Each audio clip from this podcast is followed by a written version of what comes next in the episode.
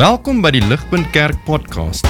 As Ligpunt Gemeente is dit ons begeerte om God te verheerlik deur disippels te wees wat disippels maak en 'n kerk te wees wat kerke plant.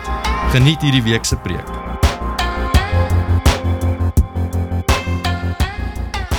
En as ek um, as ek vir elkeen van julle moet vra wie dink julle is die bekendste Suid-Afrikaner, die uh, mees suksesvolle Suid-Afrikaner ter wêreld? Dan is dit 'n redelike maklike vraag om te antwoord, nê? Nee, Elon Musk.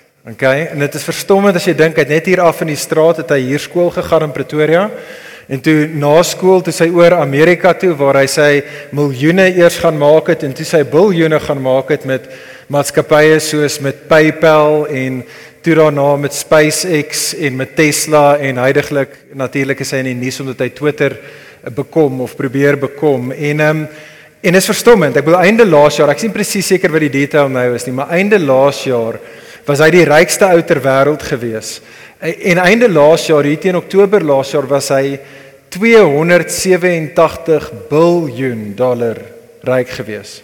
Daar was 'n artikel wat dit in perspektief vir ons as Suid-Afrikaners ehm um, probeer sit het wat in die Business Insider was einde laas jaar wat gesê het dat hy was so ryk teen einde laas jaar dat die ou wat tweede rykste is, ek dink dit was Bezos, was 46% uh jy weet armer as hy. Hy 46% ryker gewees as Bezos.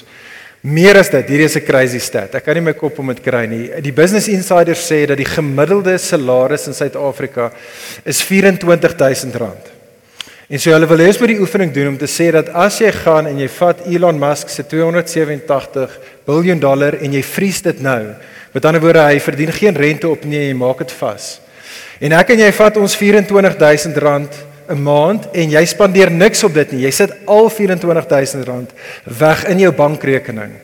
Dan sal dit jou en my 15 miljoen jaar vat om soveel geld soos hy te hê. Okay, dis 'n crazy manier om daar te dink. Okay, dis crazy. En ehm um, vriende, ek verwys hierna nie omdat ek vanoggend enige uitspraak wil maak oor Elon Musk nie. Ek ken hom nie en ek weet nie wat in sy hart aangaan nie. Maar ek weet wat in my hart aangaan. Ek weet wat in my hart aangaan. Juis soos wat ek nadink oor die Elon Musks van hierdie wêreld en soos wat ek hulle in al hulle glorie aanskou. Die ding is vriende, jou en my, ons harte het 'n sterk aantrekkingskrag. Nie so seer tot al die geld wat die ryk ouens in hierdie wêreld het of die Elon Musks van hierdie wêreld het nie, maar tot die lewenskwaliteit wat die Elon Musks van hierdie wêreld geniet lewens wat die finansiële vermoë het om al daai behoeftes wat ons het te kan uh, bevredig, om al daai begeertes wat ons het te kan verwesenlik. Uh, ons kyk na daai ouens en alles in ons dink, ag, as ek maar net, as ek maar net die finansiële vermoë gehad het as ander om elke plesier wat ek wil hê te kan bekom en elke probleem wat by my spook te kan vermy, dan dan gaan ek alright wees. En die ding is vriende, daai is nie net stemme wat ek en jy binne in ons het nie.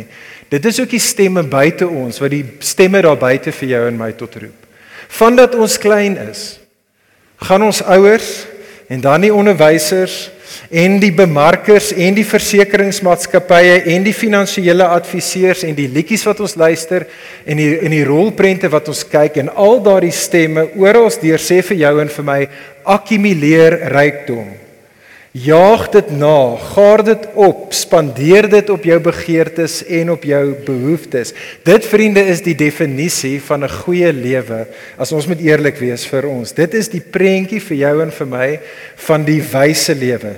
Dit is die tipe van lewe wat elke stem hier binne en daar buite ons aanspoor tot tot sulke lewens. Alle stemme spoor ons aan tot dit behalwe een. Behalwe een stem en dit is Jesus.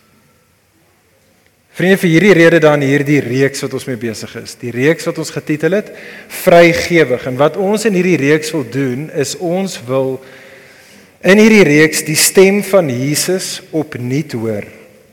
Soos wat Jesus ons sy disippels roep tot lewens wat gekenmerk word deur vrygewigheid, deur lewens wat gekenmerk word deur mededeelsaamheid, lewens wat nie tot voordeel van ons opgaar en op onsself bly spandeer nie, maar lewens wat tot voordeel van ander gee en deel. Dit is die doel van hierdie reeks. Nou as jy laasweek hier was, het ons begin met hierdie reeks en ons het laasweek gekyk na Lukas 4. En ons het laasweek gesien dat die vrygewige lewe begin in Lukas 4 op daardie plek waar ek en jy as God se kinders besef in die eerste plek dat ons is die begunstigdes. Ons is 'n mense wat skatryk is want ons het 'n vrygewige God wat sy seun homself vir ons gegee het. En wat ons vandag na wil kyk is juist hierdie gedeelte wat nou vir ons gelees was in Lukas hoofstuk 12. En so ek vra jou om sommer nou daai gedeelte byderhand te hou. En vriende, wat ons in Lukas 12 vandag gaan sien is dat Jesus wil in vandag se gedeelte ons waarsku. Jesus wil ons waarsku dat 'n lewe wat gekenmerk word deur gierigheid, dis nie die mooi Afrikaanse woord vir 'n lewe waar ek en jy meer en meer en meer begeer en waar ek en jy ons lewens inrig om net meer en meer te akkumuleer. Jesus wil ons aanspoor en waarsku dat so lewe, alhoewel dit in die wêreld daar buite en vir jou en vir my dalk lyk soos die wyse lewe, is eintlik dwaasheid. En Jesus wil ons aanspoor dat 'n lewe van vrygewigheid is actually die wyse lewe lewe. En dit is wat ons wil saam sien vandag.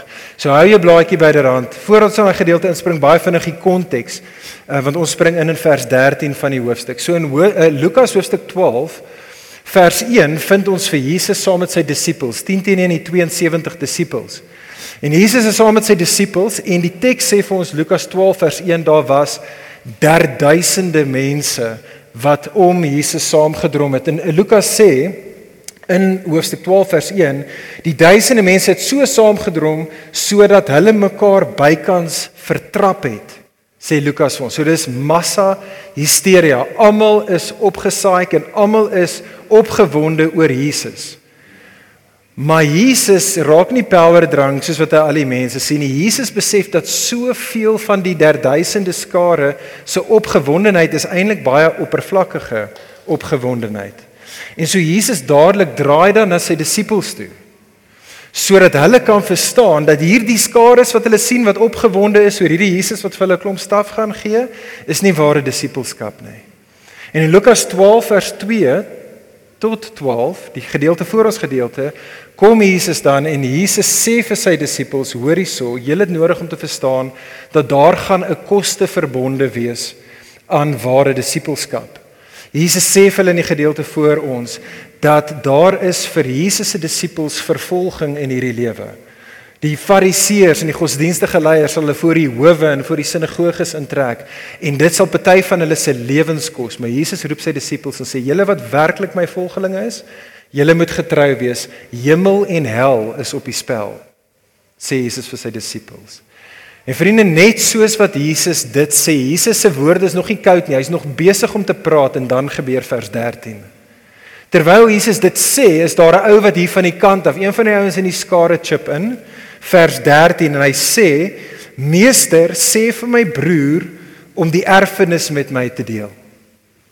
OK, dis verstommend. Jesus is besig om oor hemel en hel te praat en al wat hierdie ou op sy brein het, is sy erfenis. En so Jesus gebruik daardie geleentheid as 'n teaching moment vir die skare, maar spesifiek vir sy disippels. Jesus wil dit gebruik om vir hulle nou te vertel van 'n ander gevaar vir ware disippelskap. Dis nie net 'n eksterne gevaar nie, dis nie net vervolging daar buite nie, maar daar's 'n interne gevaar wat net soveel geloof kan wegvreet en net soveel hemel en hel op die spel het. En die waarskuwing gee Jesus daar in vers 15. Kyk saam met my vers 15. Hier is die waarskuwing. Jesus sê vir almal wat daar is daardie dag, vers 15, pas op. Pas op en wees op julle hoede vir elke vorm van gierigheid. En dit vriende, vers 15, hierdie waarskuwing van Jesus is soos die opskrif wat staan oor die res van ons gedeelte. En wat ons in die res van die gedeelte sien is dat Jesus dan in vers 16 tot vers 21 eers sê hoekom ek en jy moet waak teen gierigheid.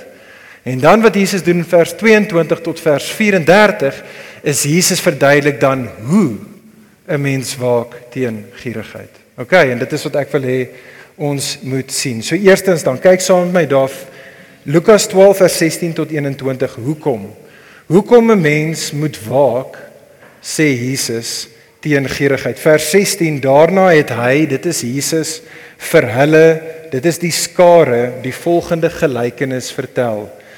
En Jesus vertel dan hierdie storie. Jesus vertel 'n storie van 'n ryk man.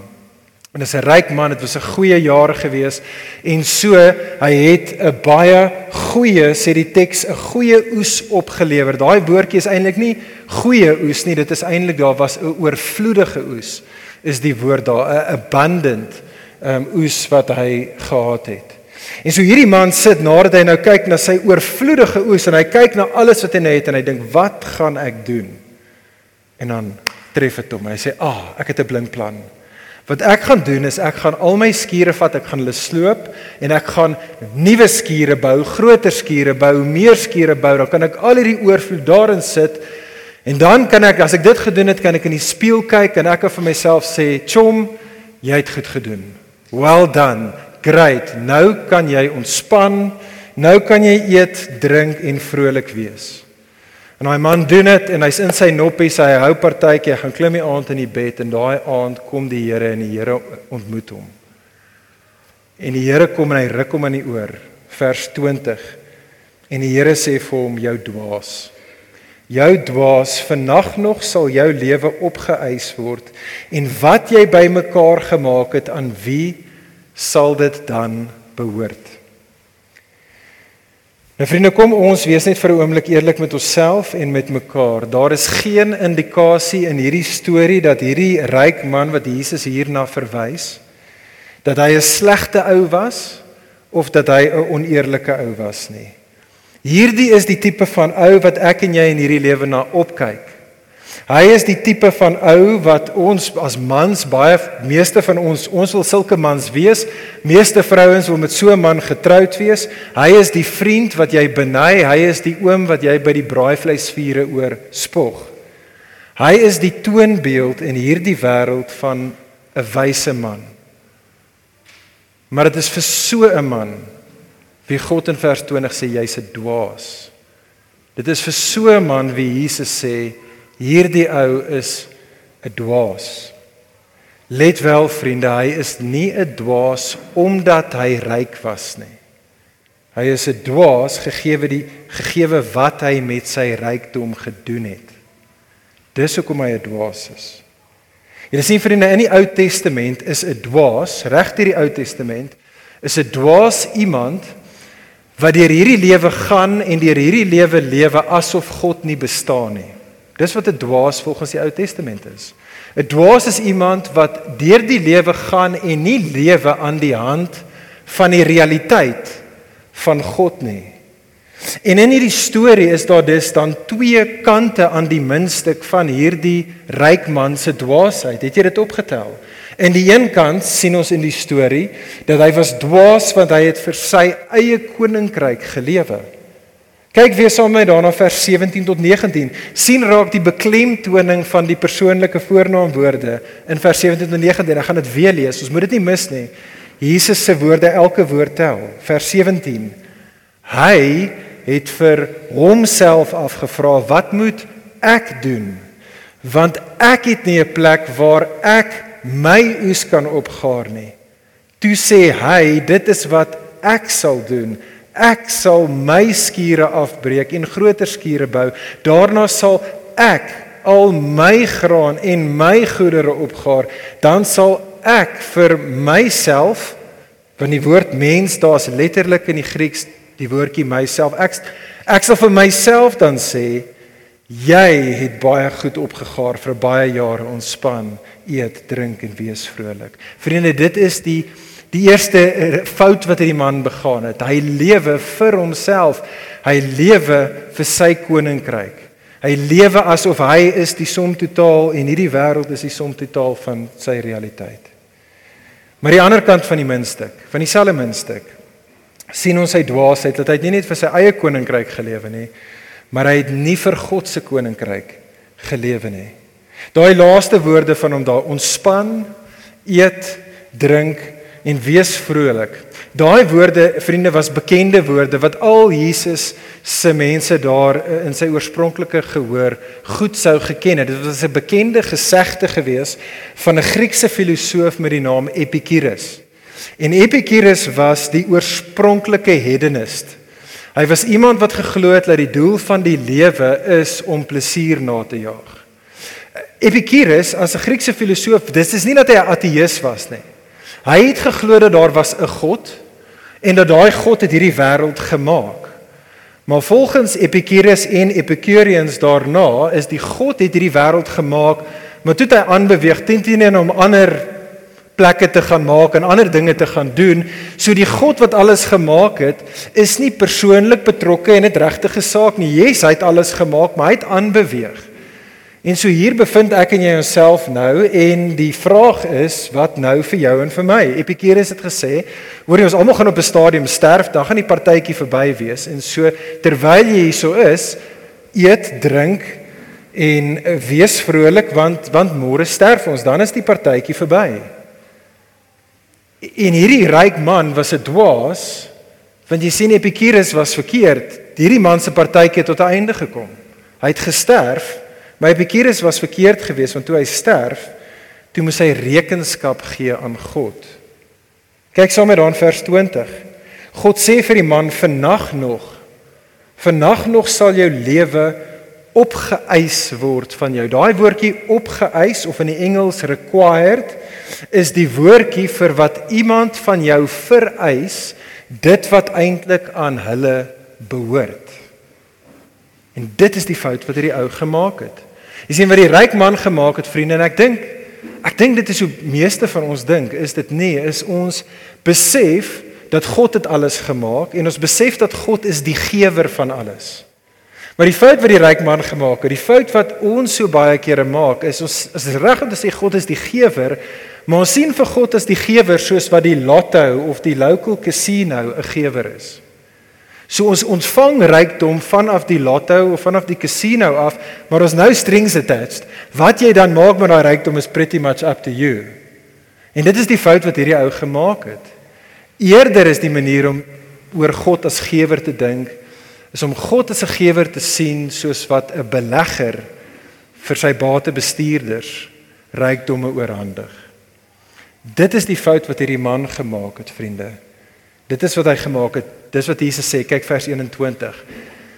So sal dit wees met elkeen wat ryk is teenoor homself, maar nie ryk is teenoor God nie. En vriende, ons moet onsself afvra, ons moet onsself afvra, is die storie van die ryk man is dit moontlik ook jou en my storie?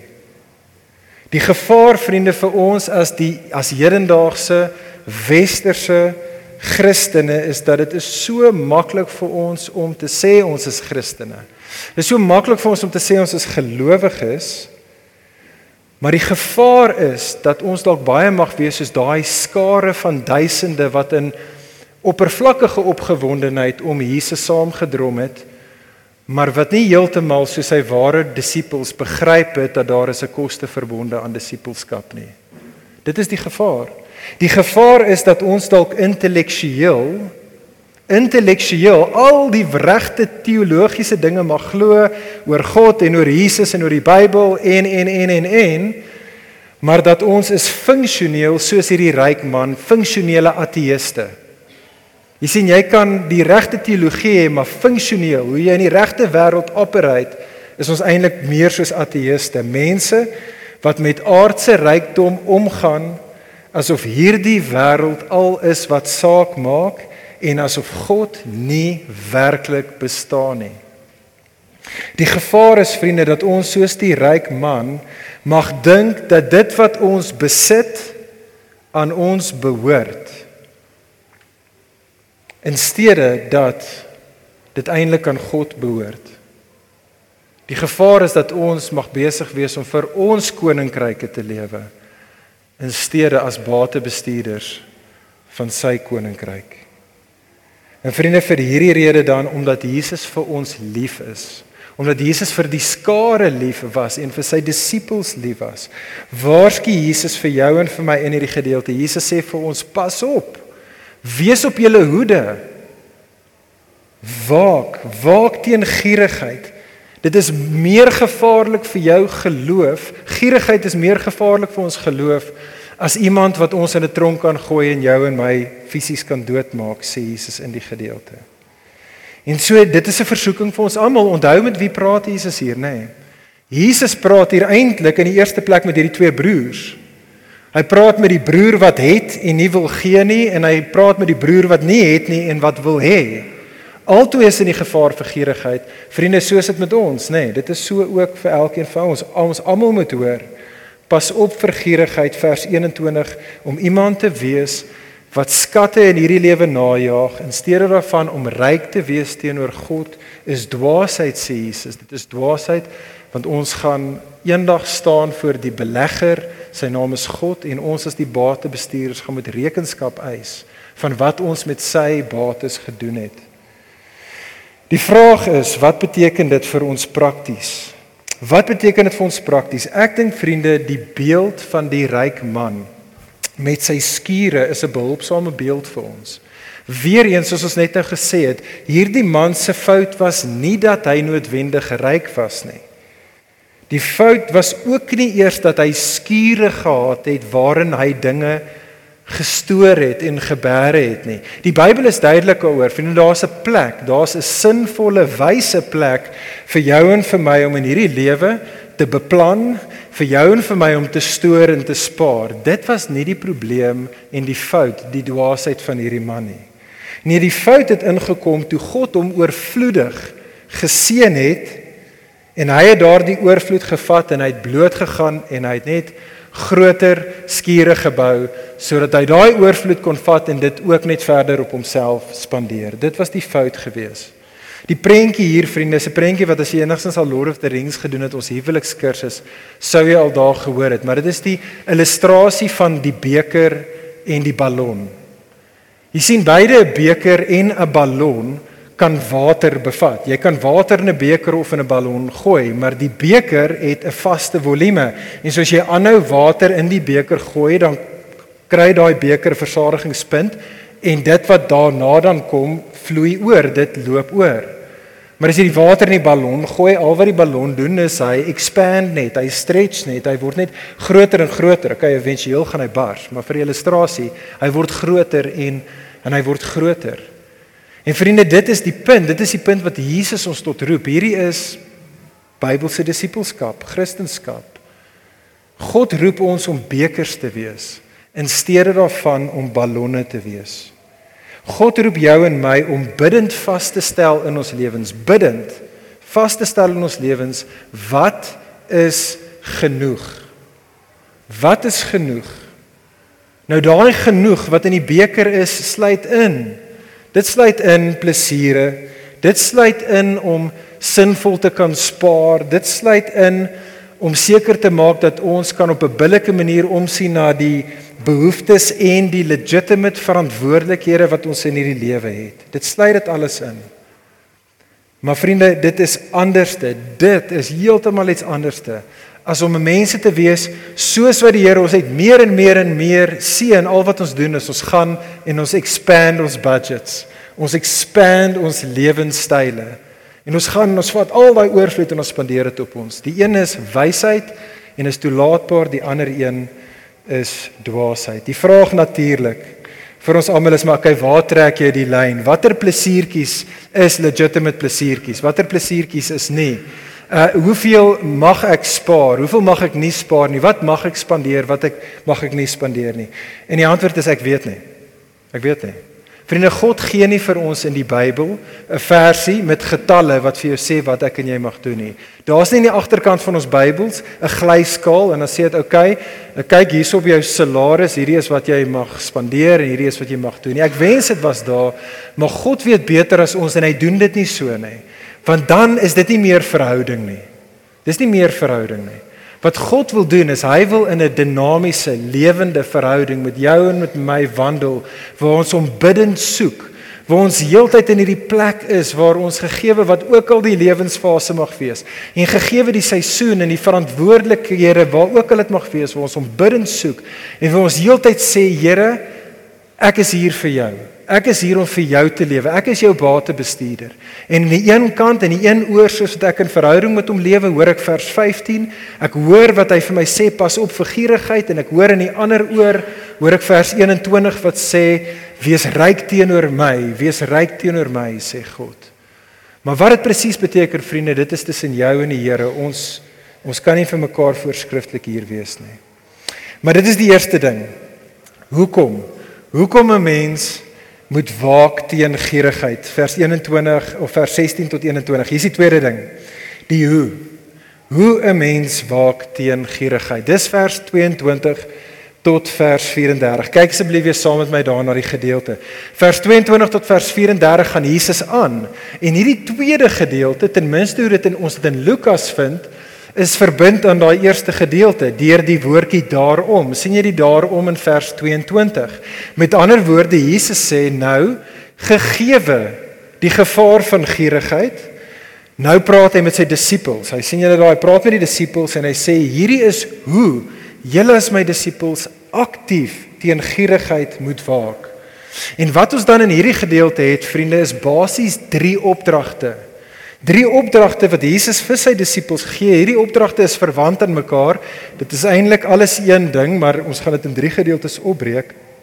Drie verwante opdragte wat Jesus aan sy disippels en dus ook aan jou en my gee vir hoe ons dan teen gierigheid moet waak. Die eerste ding is dit. sien raak saam met daai. Jesus sê vir jou en vir my begin deur die volgende te doen. Moenie angstig wees oor wat jy nodig het om te lewe nie. Moenie angstig wees nie en dit is 'n opdrag aan ons. Moenie angstig wees oor wat jy nodig het om aan, om aan die lewe te kan bly nie. Kyk ons saam my vers 22. Daarom sê ek vir julle, moet julle nie bekommer nie. Letterlik die woord angstig. Moenie angstig wees oor julle lewe, oor wat julle eet of oor julle liggaam oor wat jy aantrek nie. En Jesus herhaal dit dan. Kyk aan na vers 25. Weer vers 25 sê hy moenie bekommer nie. Vers 26. Waarom bekommer julle julleself? Kyk na vers 29. Moenie besorgd wees nie. Kyk na vers 32. Moenie bang wees nie. En as jy stop vir 'n oomblik vriende en jy dink daaroor dan maak dit sin dat Jesus hier begin. Doen dit nie? Want as dit is dat gierigheid 'n interne stryd is, iets wat in jou en my hart gebeur, dan is die plek en die eerste plek waar ek en jy gierigheid fight, is in ons harte. En dit is in die plek van vrese. Jy sien dink aan gierigheid soos 'n onkruid wat in in jou en my harte is. En as gierigheid 'n onkruid is, dan sê Jesus die wortels van daardie onkruid is vrees.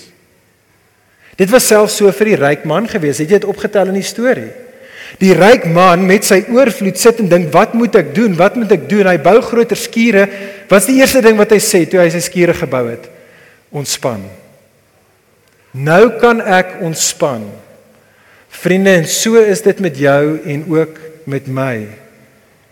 Soos wat ek en jy nadink, vriende, oor ons lewens, oor ons welstand, al daai dinge Vra jouself af wat is daardie dinge wat jou heidaglik angstig maak? Wat is daai dinge met betrekking tot jou welstand wat jou bekommerd maak, besorgd maak, bang maak, die taal van die gedeelte? Jy sien as ek en jy vriende die stryd teen gierigheid enigsins gaan kan begin om dit te kan te kan fight en te kan wen. Dan het ek en jy nodig om te begin deur eerlik met onsself en eerlik met mekaar te wees dat ons op die beste van tye gedryf word deur vrees. Dis wat ons nodig het om te begin. Ons nodig om die ons het nodig om te besef wat is die dinge wat my bang maak met betrekking tot my welstand. En as jy kan besef wat is die dinge wat jy voor wat jou vrese is, dan sal dit jou ook slimmer maak en om al die slinkse maniere te sien wat die wêreld om ons juis op jou en my vrese inspel soos wat hulle ons gierigheid probeer aanwakker om hulle gierigheid te bevredig. En so jy het nodig om te besef wat is daai vrese vir jou en vir my. En vriende, as ek en jy daai vrese kan identifiseer waaruit gierigheid uit voortspruit, dan het ons nodig om met daardie vrese hulle vol in die gesig te staar en ons het nodig om tot die einde van onsself te kom. Dit is wat ons moet doen. Dit is die tweede ding wat Jesus ons tot roep. Hier is die tweede opdrag in die gedeelte. sien raak saam met daai Jesus gaan dan aan en Jesus sê vir jou en vir my besef. Besef dan dat jy het 'n Vader wat na jou omsien. En so daar in vers 24 tot 28 is daar hierdie twee bekende voorbeelde wat Jesus gee uit natuur uit die natuur uit. Twee voorbeelde van God se voorsiening. Jesus sê eers vir ons daar, kyk aan vers 24, kyk na die kraaie. Kraaie. Okay, die lelikste van voëls. Dis die een voëls wat nie stembande gekry het om te kan sing nie. Hulle is soos heel onder op die ranglys van voëls. En Jesus sê kyk na die kraaie. As God dan na hulle omsien. Hoeveel te meer sê Jesus sal hy nie na julle my disippels omsien nie. Vers 27. Kyk na die veldblomme. Nie daai mooi fancy rose in jou tuin nie. Daai onkruid wat langs die N1 groei en opkom met blomme. Kyk na daai blomme, sê Jesus. Kyk na hulle. As daardie blomme ongekende prag met ongekende prag bekleë is. Daai blomme wat net tydelik bestaan, sê Jesus. Hoeveel te meer sal God nie dan na julle, my disippels, julle wat vir ewig gaan bestaan. Hoeveel te meer sal hy nie na julle omsien nie. Het jy gesien daarso vers 30 vers 31 hoe Jesus na God verwys? Vers 30 en weer in vers 31 God noem hy ons Vader. En dit is die beeld wat ek en jy voor oë moet hou. Dit is die kosbaarste waarheid van die Christelike geloof is dat ons wat by wyse van geloof verbind is met Jesus, hy wat die seun is. Deur geloof in Jesus is elkeen van ons nou aangeneem in God se familie. En nou is God jou en my Vader. En Jesus wil hê ek en jy moet dit onthou dat God is ons Vader. Vriende, hoor dit mooi, die stryd teen gierigheid wat spruit uit is uit 'n vrese wat in ons harte is. Daai stryd teen gierigheid is uiteindelik 'n stryd van geloof. Dit is hoekom Jesus in vers 28 die woord klein gelowiges gebruik. Ons fight teen gierigheid oor harte wat vrees is eintlik 'n fight vir geloof. En die manier wat ek en jy dan teen gierigheid waak, vriende, is om daagliks en nie daagliks is nie genoeg nie, deurgangs deurgangs na God toe te kom en hom te sien as ons Vader en by hom te kom rus om by hom te kom rus in die wete dat hy is ons Vader. Hy sal na ons omsien. Vriende, hoor dit opnuut weer vandag. Hierdie is die stryd van geloof. God is oneindig keer meer lief vir jou en vir my. Oneindig keer meer lief vir jou en vir my as wat ons ooit vir ons kinders kan wees. En God is oneindig keer meer in staat om na jou en my om te sien as wat ek en jy ooit na ons kinders kan omsien. Ek en jy het nodig om dit te glo. Ons het nodig om daai God as Vader te vertrou. Dit is die stryd van geloof en dit is die fight om gierigheid te wen. Hier is die derde ding, die laaste ding. Die derde opdrag dan sê Jesus vir ons. Soos jy dit gedoen het, identifiseer die vrese. Jy sien vir God as jou Vader wat na jou so omsien. Derdens dan, laaste ding, te roep Jesus ons hy sê en so soek allereers die koninkryk van God. Hoor weer eens mooi. Vriende, een van die groot redes redes hoekom gierigheid so dwaas is, is nie omdat ek en jy meer soek as wat God vir ons bestem het nie. Dis eerder dat ek en jy bereid is om met verminder te settle as wat God vir ons bestem het. God het vir jou en vir my sy koninkryk bestem. En so hy sê vir jou en vir my soek dit. Soek my Vader se koninkryk, soek my koninkryk sê Jesus. Wat beteken dit? Wel soos die ou Afrikaanse liedboek lied, soek allereers die koninkryk van God. Beteken soek na die wil van die Heer. Jesus in die onsse Vader, laat u koninkryk kom, laat u wil geskied, soos wat dit in die hemel is, so ook op die aarde. Jesus roep jou en my sê soek dit na. Soek na in hierdie lewe, doen die regte ding. Doen dit wat God ge, s, s, s, wees gehoorsaam aan God in die hand van sy geopenbaarde wil. En wat is die Here se wil? Dis die groot gebod. Die Here se wil is dat jy die Here jou God sal lief hê met jou hele hart en met jou hele siel, met jou hele verstand en gelyk daaraan dieselfde ding sê Jesus, die Here se wil is dat jy jou naaste moet lief hê soos jouself. Die Here se wil is dat ons mense sal wees wat radikale lewens van vrygewigheid lewe as 'n manifestering, 'n uitleef van ons naaste liefde. Dit is wat Jesus sê. Kyk vers 33. Jesus sê verkoop jou besittings en gee almoses. Letterlik verkoop jou besittings en gee dit aan die wat behoeftig is, sê Jesus. Weereens, hoeveel van my besittings? Dis 'n saak tussen jou en God. Niemand kan met dit voorskrifklik wees nie. Maar wat dit ten minste beteken in die konteks hier is dat ons 'n mense sal wees wat vanuit die oorvloed wat God vir ons gee, sal kyk na ander se tekort en besef dat ons as God se batebestuurders wie hy ryklik seën sodat ons 'n seëning vir ander sal wees. Jesus sê verkoop jou besittings, gee dit aan ander en Jesus sê doen dit. Lewe sulke lewens wat die koninkryk soek wat radikaal vrygewig is. En Jesus sê dit is die wyse ding om te doen. Dis hoe hy eindig. Dit is wysheid, sê Jesus. Dit is wys gegeewe vers 31. Kyk daar. Want Jesus sê die wat lewe as God se batebestuurders, God sal na hulle omsien, om, omsien. Hierdie dinge sal vir hulle gegee word, die kos, die klere, dit wat jy nodig om oukei te wees in hierdie lewe, die Here sal na jou kyk. Jesus sê vertrou jou hemelse Vader. Maar hierdie is ook die wyse lewe. Kyk daar in vers 33. Want sulke mense wat radikale lewens van vrygewigheid lewe, sê Jesus is besig om 'n onuitputlike skat vir hulle self op te gaar. Hulle is besig om 'n skat op te gaar wat nie deur roes en deur diewe en deur motte weggeneem kan word nie. Praat van 'n goeie langtermynbelegging. Ja, as as ek op my foon, ek weet nie vir van julle bank by FNB nie, maar as ek op my foon gaan op my FNB app, dan is daar op my FNB app is daar 'n 'n knoppie wat ek kan druk wat sê 'n my net worth. En op die my net worth ding kan ek sien hoe ryk ek regtig egtig is. Dit lys my bates as ook my beleggings daar, dit lys my laste en alles wat iemand nog op 'n stadium van my af gaan eis en daar kan ek sien hoe ryk ek regtig is of nie.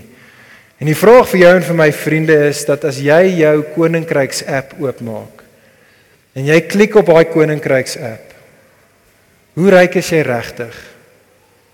Wat is jou beleggings? Wat is jou bates daar? Die bates wat genuen gaan hou.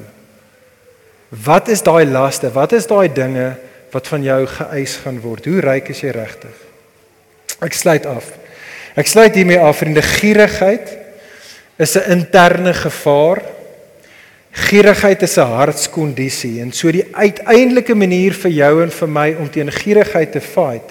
Hierdie dwaase hartskondisie is vir jou en vir my om ons persepsie van rykdom te wysig. Dit is hoe Jesus eindig vers 34. Jesus sê vir jou en vir my want waar jou skat is, daar sal jou hart wees. So Jesus roep ons om te sê as jy struggle met 'n hart van gierigheid, maak seker jou hart is verlore op die regte skat. Want waar jou skat is, sal jou hart dan wees.